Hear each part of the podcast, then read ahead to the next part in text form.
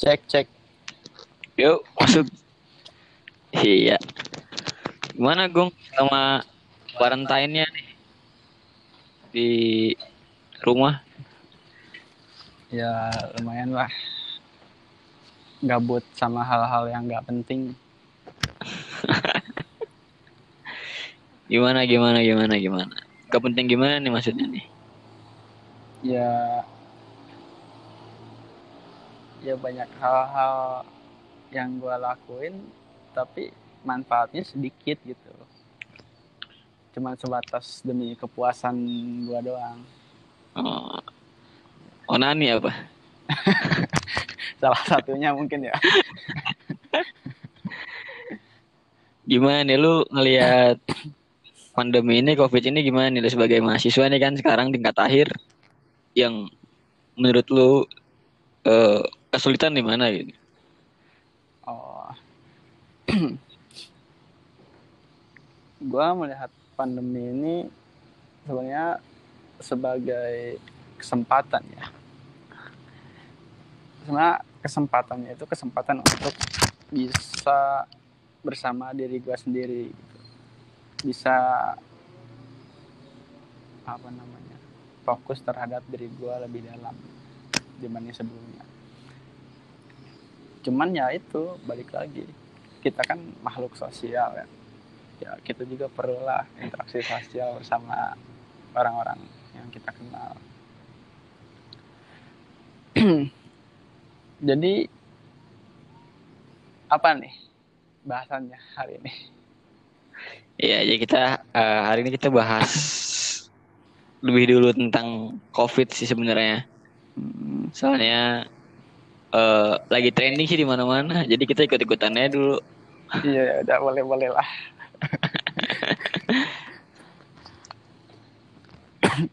Kan di mana-mana diberitakan semua tentang yang negatif ya tentang COVID di media semua eh, kejadian-kejadian semakin hari semakin buruk, semakin hari semakin buruk, semakin banyak eh, korban. Nah, dari lu mengambil sisi positif COVID hari ini gimana? sisi positifnya banyak yaitu ya tadi yang gue sebutkan salah satunya pas di awal dan juga ketika orang-orang di rumah banyak kegiatan-kegiatan masyarakat yang sifatnya merusak alam itu menjadi berkurang gitu. Contohnya aja, kita berkendara naik apa pun itu motor, mobil atau apa pun. Itu kan salah satu aktivitas yang merusak lingkungan juga ya, men- mencemari polusi. Nah, intinya banyaklah kita sering lihat di mana-mana itu postingan-postingan kalau saat masa karantin ini bumi udah mulai membaik gitu kelihatannya. Oh, iya sih bener. Emang gue juga liat berita katanya eh, apa namanya lapisan-lapisan apa yang di atas tuh Ozon. itu udah mulai nutup lagi gitu lapisan Iya, ozon. Iya. Dan bumi juga udah mulai kelihatan tuh dari langit kota Bekasi.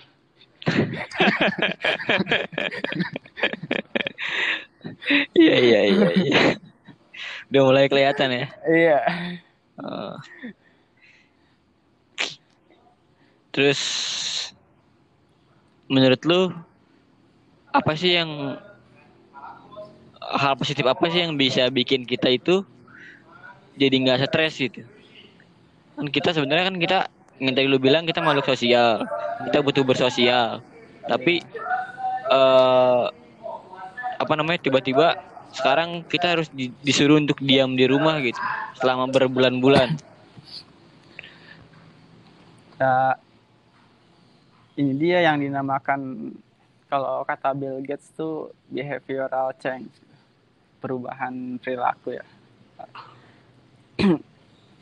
Jadi yang tadinya kita sering ketemu sama orang aktivitas kita misalkan lebih banyak di tempat kerja atau di luar rumah sekarang dipaksa untuk beraktivitas di dalam rumah. Itu menjadi apa ya kewalah kerepotan kaget.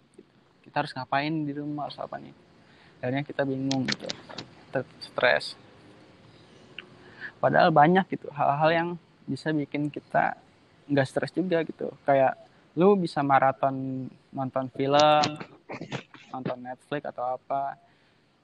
Yang film-film yang pengen lu tonton misalkan yang belum lu selesain. Lu juga bisa ngebokep misalkan. Dari pagi sampai malam. Gitu.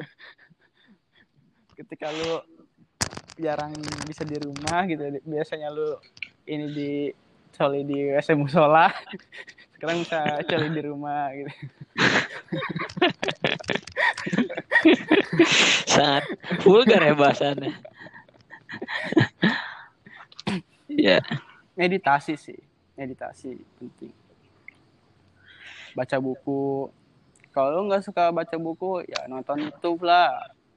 Apa pun yang lu pengen tahu gitu. Nonton vlog atau apa juga itu bagus gitu. Dengerin podcast podcast podcast yang gak jelas juga nggak apa-apa. Yang penting itu bisa mengurangi stres lu lah. Lu tahu sendiri. Sebenarnya setiap orang tuh tahu ya apa yang dia butuhkan. Gitu. cuman mereka nggak tahu cara ngelakuinnya gitu. Atau cara ngelakuinnya.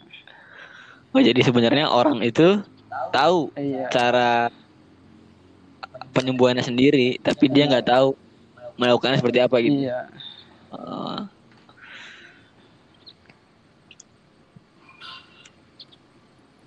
Tapi di balik tadi kan kita bahas eh, apa namanya hal-hal positifnya gitu. Tapi kita juga nggak bisa nutup mata dari resikonya gitu konsekuensinya atau akibat yang terjadi dari virus ini. Ya begitulah tapi sebenarnya ini untuk anak-anak introvert mereka senang ya kalau dibikin kayak gini demen mereka pasti nih Iya sih, gue juga salah satu anak yang introvert ya gue seneng banget di rumah gitu. bagus lah kalau gitu Ba- Banyak hal yang bisa gue lakuin gitu di rumah. Jadi gue semakin ke sini tuh, gue kan emang, ya lu tau sendiri lah gue kalau di luaran sangat humble gimana, Hmm. bergaul ekstrovert lah gue ya. Hmm. Tapi setelah gue dikasih sesuatu yang berhubungan introvert ya gue diem di rumah di kamar gelap-gelapan sendiri fantasi gue jadi liar gitu jadi seneng gitu gue di rumah tapi itu hati-hati loh soalnya gue pernah baca gitu quotes dari Buddha. Hati-hati eh ketika kamu sendiri hati-hati dengan pikiranmu. Tapi ketika kamu sedang bersama orang-orang hati-hati dengan ucapanmu. Makanya emang kalau lagi sendirian tuh pikiran tuh ke mana-mana ya. Bangsa iya. kadang kesendirian tuh bisa bikin orang jadi overthinking gitu. Iya. Itu yang paling bahaya sih. Iya. Kalau ngelihat dari apa ya perilaku orang-orang ya yang kan kita sekarang nih lagi disuruh physical distancing. Lagi sekarang lagi di udah mulai di apa diperlakukan PSBB tapi kita masih aja suka ngelihat ada orang yang ngelanggar gitu masih ada keluar gitu. sampai ada julukannya tuh covidiot covidiot itu orang, iya, orang-orang yang menyepelekan apa namanya aturan pemerintah gitu tentang pandemi ini. Iya. Tapi kalau dilihat dari sisi psikologi ya dari hakikatnya aja hakikat manusia ini. Kita ini kan sebenarnya makhluk sosial yang tadi gua bilang. Jadi gimana pun kita dipaksa gitu diem di rumah kita ditahan tadi kunci atau dikurung terus interaksi sosial kita dibatasi itu pasti aja akan ada beberapa orang yang membangkang gitu. Karena itu dia sifat kita gitu. Kita ini makhluk sosial. Apalagi dengan apa namanya ujar-ujaran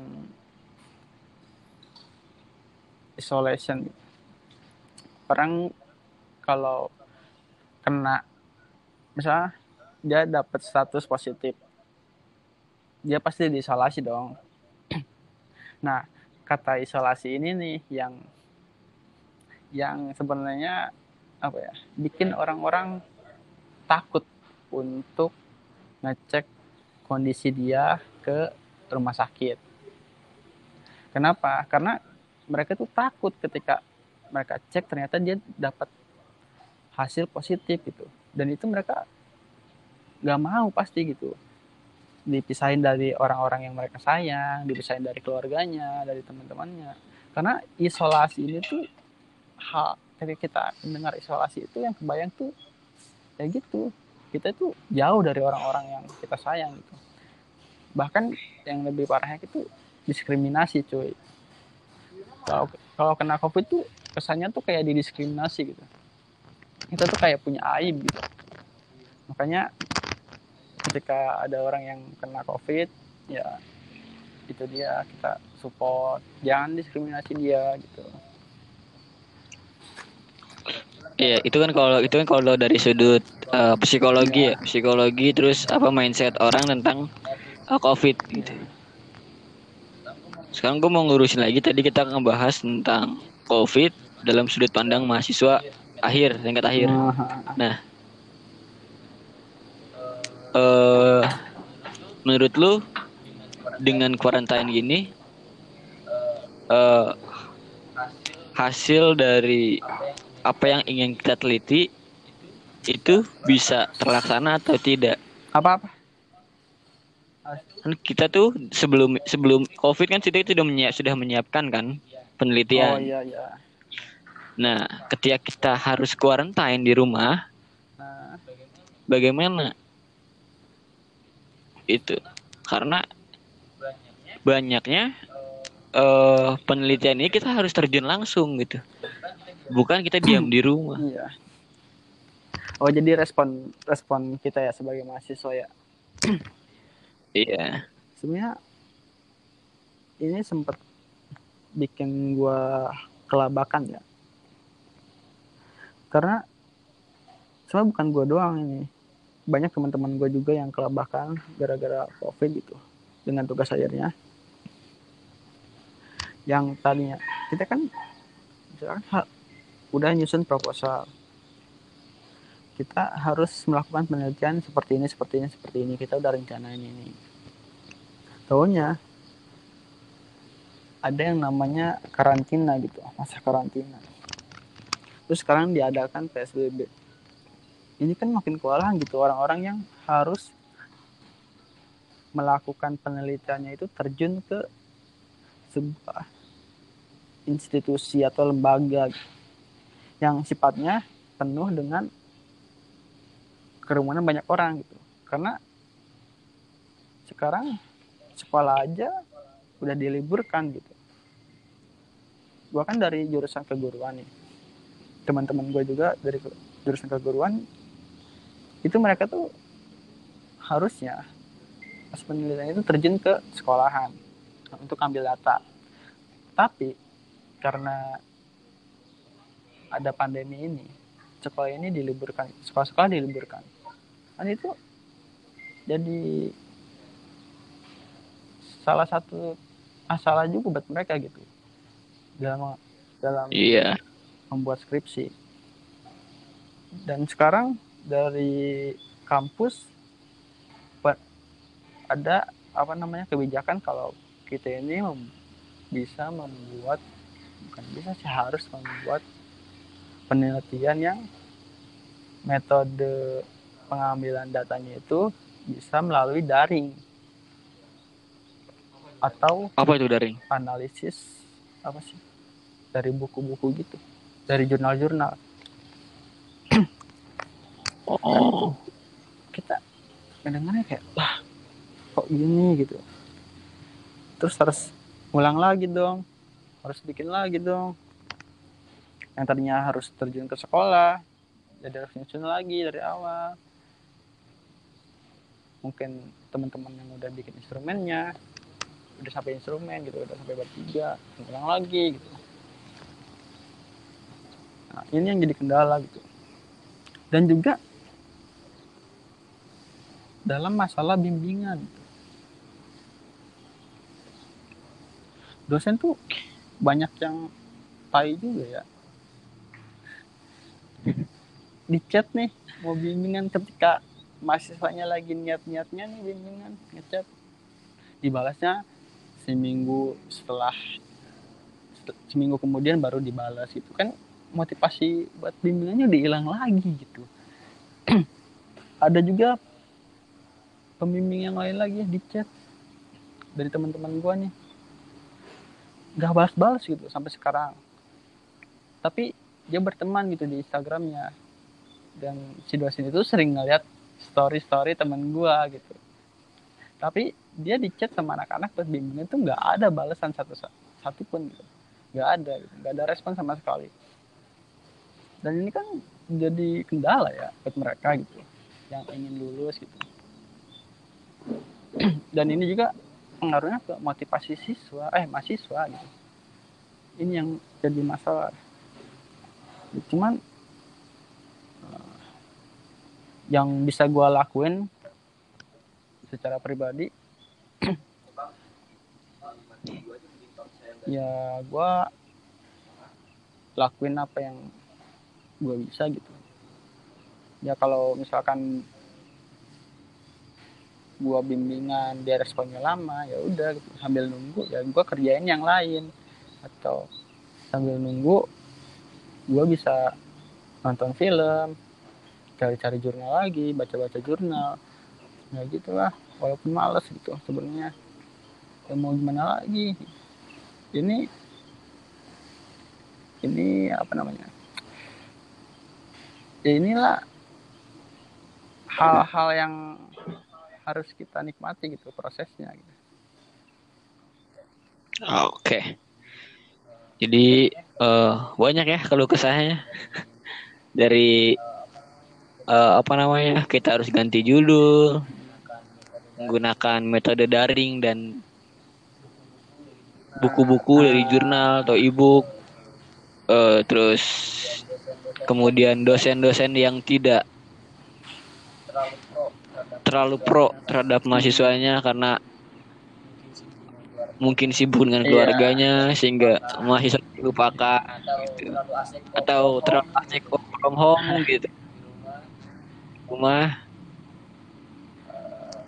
eh mungkin sih eh, sekarang-sekarang mereka itu ibadah tidur mungkin ya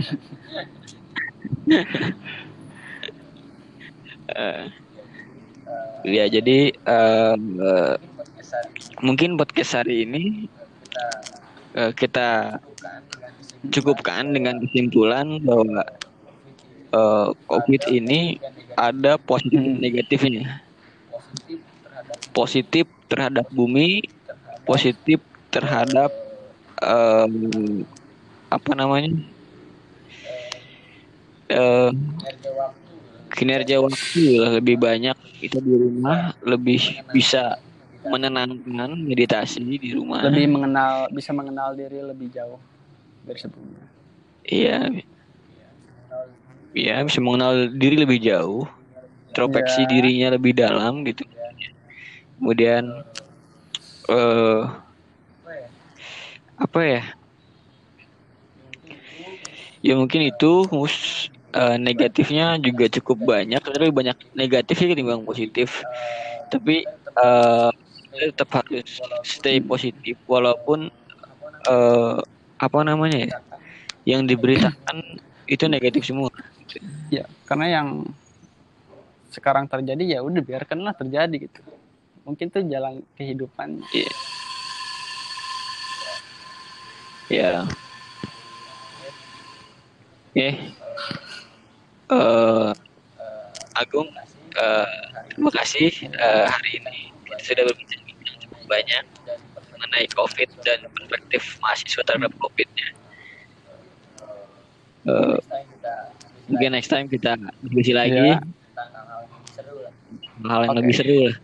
thank you udah ngundang gua kemari Thank you. Yo.